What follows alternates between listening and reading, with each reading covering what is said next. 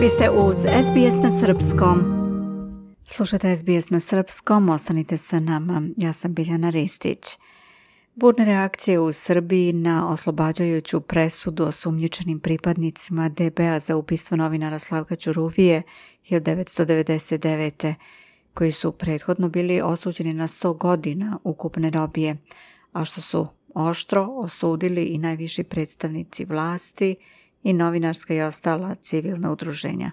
Zašto je ta odluka apelacionog suda držana u tajnosti skoro 10 meseci kako se dogodilo da krivci izmaknu pravdi i ko je za to odgovoran. Kolike su šanse da istina ipak izađe na videlo, kako o tome izveštavaju mediji, šta govore i najavljuju članovi državne komisije za ispitivanje ubistava novinara. Opština o svemu u sljedećem prilogu. Slavko Ćuruvija bio je novinar i izdavač. Novinarsku karijeru počeo je u borbi sredinom 80. godina prošlog veka, a te novine je napustio sredinom 90. u trenutku državnog pritiska na medije. Sa novinarom i publicistom Momčilom Đorgovićem osnovao je Nedeljni telegraf, a nakon toga Dnevni telegraf i Evropljanin. Slavko Ćuruvija ubijen je vatrenim oružjem sleđa 11. aprila 1999. u Svetogorskoj ulici, bivšoj ulici Ive Lole Ribara, u centru Beograda, kraj zgrade u kojoj je živeo. Optuženi za njegovo ubistvo su bili pripadnici tadašnje službe državne bezbednosti Radomir Marković, Milan Radonjić, Miroslav Kurak i Ratko Romić, koje je apelacioni sud odlukom donetom u aprilu prošle godine oslobodio optužbi – u obrazloženju presude sud je naveo da je još 19. aprila 2023. usvajanjem žalbi odbrane i delimičnim usvajanjem žalbe tužilaštva preinačilo prvostepenu presudu kojom su okrivljeni bili osuđeni na ukupno stotinu godina zatvora. Ova presuda je objavljena u javnosti tek posle 10 meseci u petak 2. februara ove godine, što je bilo povod za proteste nezadovoljstva novinara, predstavnika civilnog sektora i građana.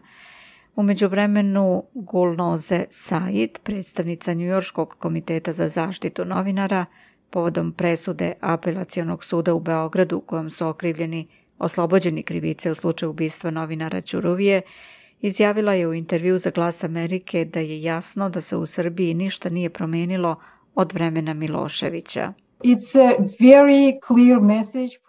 To je vrlo jasna poruka vlasti da svako ko se usudi da ubije novinara može proći nekažnjeno. To je veoma opasna poruka. Sama činjenica da je slučaj trajao toliko godina sa toliko mnogo zastoja imala je zastrašujući efekat na medijsku zajednicu Srbije. Sada je sasvim jasno da se ništa nije promenilo od vremena Miloševića u Srbiji. Tada je svako mogao da ubije novinara, pogotovo službenici državne bezbednosti, samo zbog kritike vlasti. Medijska zajednica, koja je već bila veoma oprezna u izveštavanju, postaće još opreznija, verovatno primenjujući autocenzuru. Svedoci smo sličnih scenarija i u drugim zemljama. Sve ovo je veoma loš razvoj događaja za sve u Srbiji, novinarstvo i medije i vlast. Said je takođe za glas Amerike rekla da je ogorčena zbog odluke apelacionog suda. Da budem iskrena, ogorčena sam. To je mnogo više od samog razočaranja. Prvo zbog oslobađajuće presude, a drugo zato što je presuda doneta pre 10 meseci i objavljena tek prošlog petka. Takav stepen licemerja, kao kod srpskih vlasti, do sada nisam videla. Mi u Komitetu za zaštitu novinara smo na ovom slučaju radili duže od dve decenije. Prošle godine kontaktirali smo sa našim partnerima koji su nam preneli da su pravosudni organi formulisali tekst presude. U saradnji sa drugim organizacijama čije je Srbija član, obratili smo se srpskim vlastima koje su nas uveravale da se u tom trenutku ništa nije dešavalo. A sada, kada smo svesni da je presuda doneta prošlog aprila, prosto smo začuđeni jer je već tada bila doneta oslobađajuća presuda. Sve to vreme državni zvaničnici Srbije su nas i naše partnere uveravali da ništa poput oslobađajuće presude nije planirano. Nikada se nisam suočila sa takvim stepenom licemerja. Gulnoze Said, predstavnica Njujorskog komiteta za zaštitu novinara, također je za glas Amerike izjavila da se mediji u Srbiji nalaze pod kontrolom predsednika koji pokušava da pošalje poruku da se nikakva neslaganja neće tolerisati, a na pitanje da li bi internacionalizacija tog slučaja mogla da bude od koristi, Said kaže da bi to bio dugogodišnji proces. Uh... To pitanje smo razmatrali unutar Komiteta za zaštitu novinara i sa kolegama iz drugih organizacija, jer su mogućnosti žalbe trenutno iscrpljene pred domaćim sudovima. Srbija je država članica Evropskog suda za ljudska prava u Strasburu, dakle tu postoji mogućnost za slučaj. Ali, čak i kada sud prihvati slučaj, za konačnu presudu su obično potrebne godine, ako ne i decenije stvari deluju prilično beznadežno. Želim da napomenem da je Srbija jedno vreme hvaljena zbog osnivanja komisije koja je okupljala članove različitih delova društva, novinara, zagovornika slobode medija i pripadnika Ministarstva unutrašnjih poslova. To telo bavilo se slučajevima nekažnjenih ubistava novinara u Srbiji koji nije zanemarljiv. Ubistvo Slavka Ćuruvije je bio jedan od njihovih prvih slučajeva. Sećam se vremena kada je CPJ iznosio pohvale na račun Srbije zato što je započela tu jedinstvenu praksu. Međutim, Uverili smo se da je sada sve izokrenuto. Namera i inicijativa ispostavila su se kao potpuno neuspešne. Nema pravde na vidiku u slučaju Slavka Ćuruvije.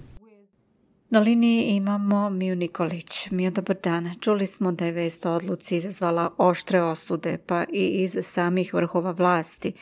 Recite nam više. Presuda apelacionog suda kojom su četvorica pripadnika državne bezbednosti oslobođena optužbe za ubistvo Slavka Ćuruvije – izazvala je šok i oštre osude u Srbiji.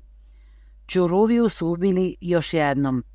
Država ubija, prvo su ubili čoveka, zatim pravdu. Zločin bez kazne.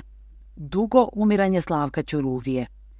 Koji je ubio suđenje za ubistvo Ćuruvije, samo su neki od naslova koji prate ovu odluku apelacionog suda, koju su osudili svi od šefa države i predsednice vlade do svakog pobornika pravde. Predsednik Vučić je još 2013. izjavio da je Ćuruviju likvidirala država, vlast koja je ubijala neistomišljenike i protivnike.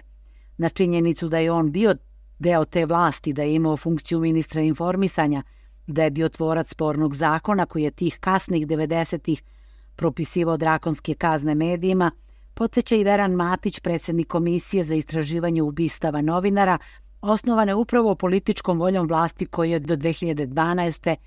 reprezentuje Vučić. Matić se od početka rada komisije zalagao za istraživanje i utvrđivanje određene vrste odgovornosti Aleksandra Vučića, ali je tvrdio i da je on, Vučić, 2012. pokazao političku volju da se ubistvo Ćuruvije reši i da se optuženi osude, između ostalo kako je naveo iz ličnih interesa. Mislim da ako optuženi budu oslobođeni, da će i on biti veliki gubitnik te presude, izjavio je svoje vremeno Veran Matić. A Mija, kako je predsednik reagovao na vest? U prvoj reakciji na ovu oslobađajuću presudu Aleksandar Vučić je rekao da je reč o velikoj nepravdi, da je to užasno loša stvar za Srbiju, njen pravni sistem, kao i užasno loša poruka za svako ko se bavi novinarstvom. Naveo je da mnogi optužuju njega za tu presudu, iako ne poznaje ni jednog sudiju koji je sudio u tom slučaju, rekao da je pravosuđe nezavisno.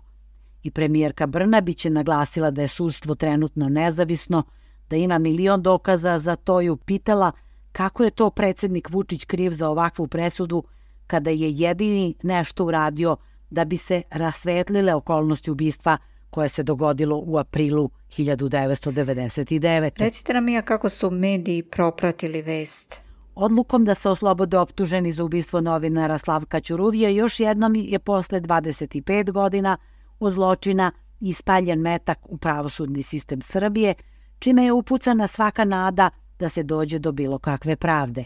Do sada je u taj sudski proces opaljeno na desetine hitaca, činili su to sud, tužilaštvo, pa i sam predsednik Srbije populističkim i zapaljivim izjavama, a užasno činjenično stanje – potpiruje podatak da je ova odluka držana u tajnosti više od 9 meseci, piše portal Nova uz podsjećanje da je 2013. tadašnji prvi potpredsednik vlade Aleksandar Vučić obećao da će podneti ostavku ukoliko ne bude razrešeno ubistvo Slavka Ćuruvije, novinara i vlasnika dnevnog telegrafa i evropljanina. Kakve su reakcije porodice? Čerka Slavka Ćuruvije Jelena kazala je da je presuda apelacionog suda zastrašujuća poruka svim novinarima i svim ljudima koji se bore za slobodu govora.